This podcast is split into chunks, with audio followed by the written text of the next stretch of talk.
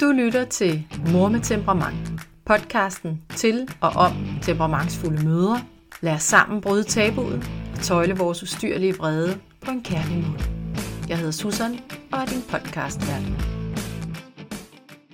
Hvorfor er det så forbistret svært at styre mit temperament?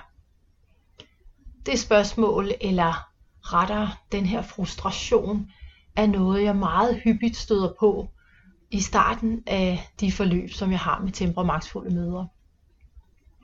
Det kan lyde forskelligt. Det kan også lyde som i, hvorfor kan jeg ikke bare lære det? Altså, jeg ved jo godt, hvordan jeg skal være, og hvordan jeg har lyst til at være. Jeg øh, ved godt, at jeg skal tælle til 10 og trække vejret dybt, og jeg er klædt på til tænderne i forhold til, hvordan at øh, jeg burde håndtere et barn. Øh, min klient er måske ligefrem pædagog og ved sagtens, hvordan at, at man burde gøre tingene. Men alligevel så oplever vi så, at vi eksploderer gang på gang.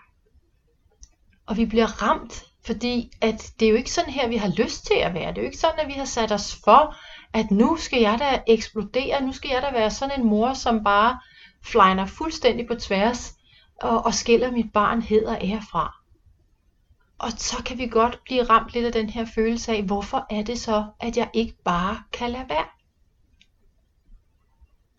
Og uanset hvordan frustrationen eller spørgsmålet det lyder, jamen så vidner det om, at vi er kommet til at tro på, at vi kan styre vores temperament ene og alene via viljens kraft. Det er måske også det, vi er blevet mødt med af andre. Altså, at der er nogen, som har mødt os med tanken om, at du skal da bare tage dig sammen. Og hvorfor er det, at du skal blive så vred? Og vi kan måske faktisk ikke engang selv forklare det. Så det vi altså kommer til at tro på, det er, at vi selv kan bestemme, om vi skal blive vrede eller ej.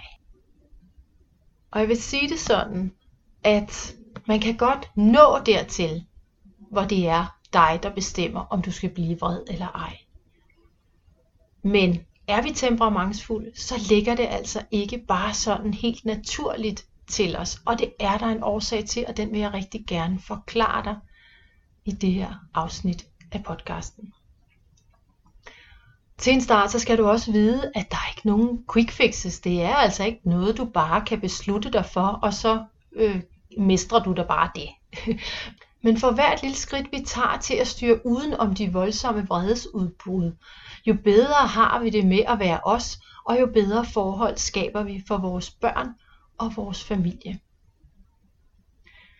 Forklaringen på, hvorfor det er så svært at styre dit temperament, kan faktisk være dit første skridt hen imod at blive mere rolig.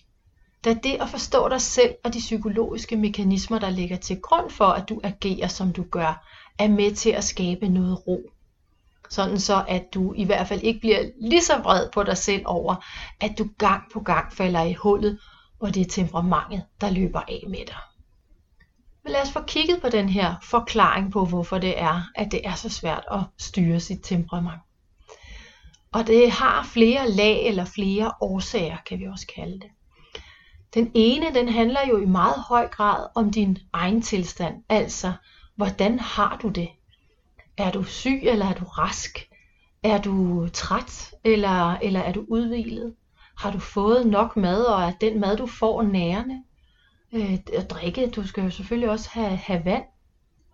Det er klogt, at vi får bevæget os så godt vi nu engang kan, og at vi måske ikke slår os selv i hovedet for, at vi ikke får lige så meget motion, som vi fik dengang vi ikke havde børn, eller, så, så nu øh, er det lidt sværere måske at lave lige den form for motion, men at vi husker os selv på, at al bevægelse er motion, og børn er jo simpelthen en stående invitation til at, at få bevæget sig, de elsker jo at røre sig.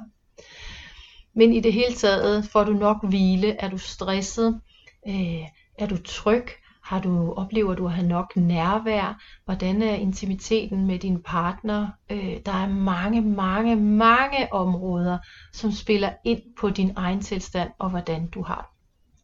Og jeg har faktisk lavet blogindlæg om det, hvis det er, du vil ind og, og se på det og lige måske øh, gennemgå det. Der er også et tip til, hvordan du kan arbejde med det her, hvis det er.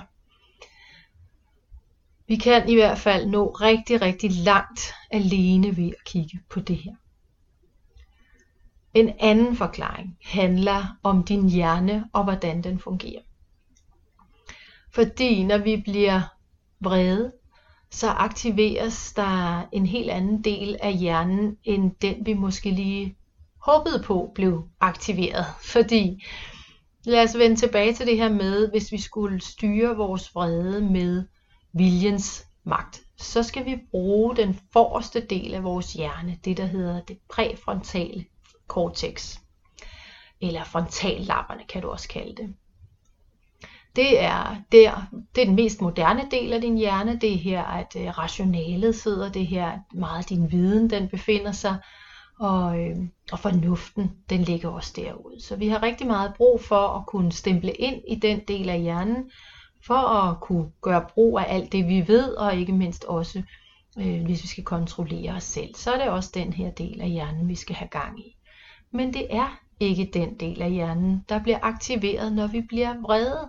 Og det er faktisk den helt grundlæggende forklaring på, hvorfor det er så forbistret svært at styre sit temperament. Det er simpelthen fordi, at du har ikke adgang til den her del af hjernen, som du egentlig havde brug for at have adgang til, men det har du ikke.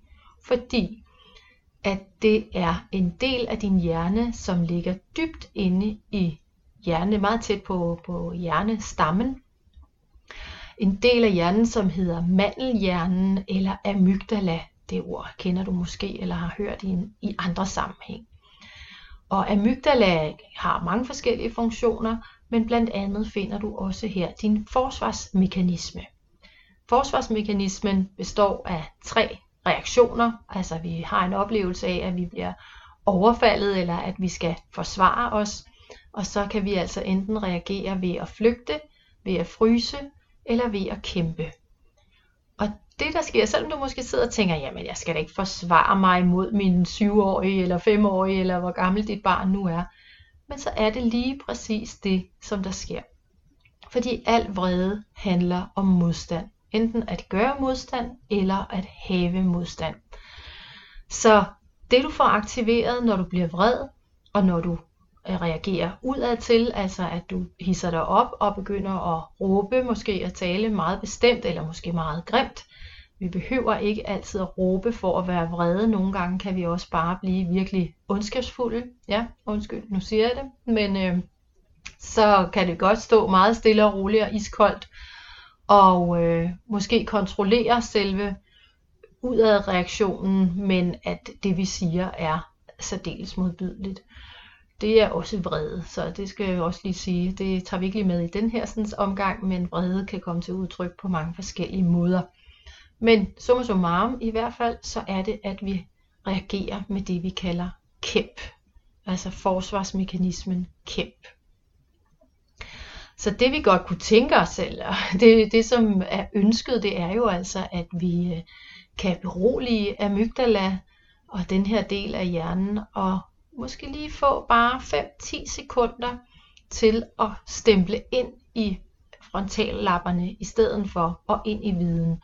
Og det er det, som øh, vredeshåndtering og temperamentshåndtering handler om. Det er altså, hvordan kan vi berolige amygdala, hvordan kan vi blive, blive klogere på de mekanismer, som der sker Altså de her sådan meget automatiserede mønstre, og det er faktisk ligesom det tredje lag eller den tredje årsag, det er, at som temperamentsfulde, øh, så er det sådan, at vi ofte har oplevet at vokse op i familier, hvor at øh, der også var andre temperamentsfulde, altså at vi er børn af temperamentsfulde enten mødre eller fædre, og at vi har været udsat for en adfærd, som øh, som vi ligesom øh, har taget til os. Og så ved jeg godt, når jeg lige siger det, at så er det ofte sådan, at vi egentlig har, tager, gerne vil tage afstand fra den.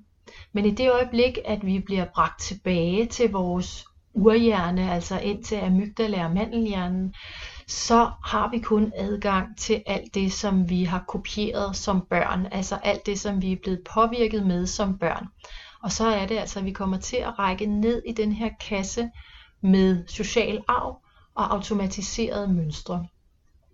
Og automatiserede mønstre er mønstre, som er nemme for os at gentage, fordi at vi enten som sagt har været udsat for dem som børn, og derfor har set dem. Vi kopierer jo vores adfærd fra vores forældre, om vi kan lide det eller ej, så er det sådan, de påvirker os. Det skal vi jo også huske den anden vej rundt, at øh, hvorfor vil vi gerne styre vores temperament? Jamen det var måske for at være den gode rollemodel over for vores børn. Men automatiserede mønstre er også dejlige for os som individer, fordi at det er der, vi bruger mindst energi. Så hjernen er i virkeligheden lidt en doven red, så hvis den kan slippe afsted med bare at gøre det, som den skal bruge mindst mulig energi på, så vil den gøre det. Og det er altså at gøre det, som der ligger lige til højre skøjten, og det, som, øh, som, er, som er nemmest. Og på en eller anden måde også tryggest, fordi det er sådan her, som jeg kender det. Det er sådan her, jeg ved, hvad der sker, hvis jeg reagerer på den her måde. Så selvom vi kan sige til os selv, at vi egentlig ikke har lyst til at være sådan, så er der en del af dit system, som alligevel siger, ej, men nu gør jeg det lige alligevel, fordi at, øh, det er jo sådan her, vi ved, at det fungerer. Og det er det, jeg er vant til, og at det er sådan her, jeg gør tingene. Som sagt, så er der ingen quick fixes, og vi kan kun nøjes med at tage små skridt ad gangen. Men et rigtig godt sted at starte er altså ved at passe godt på dig selv og sørge for, at du ikke er mere drænet end hvad godt er. For er der noget, der forkorter din lunte og evnen til at kontrollere din vrede, så er det altså, når du er tappet for energi. Jeg håber, at du fik svar på, hvorfor det er så svært at styre dit temperament, fordi det er det. Og husk så på, at vi gør alle det bedste, vi kan med de ressourcer, vi har til rådighed.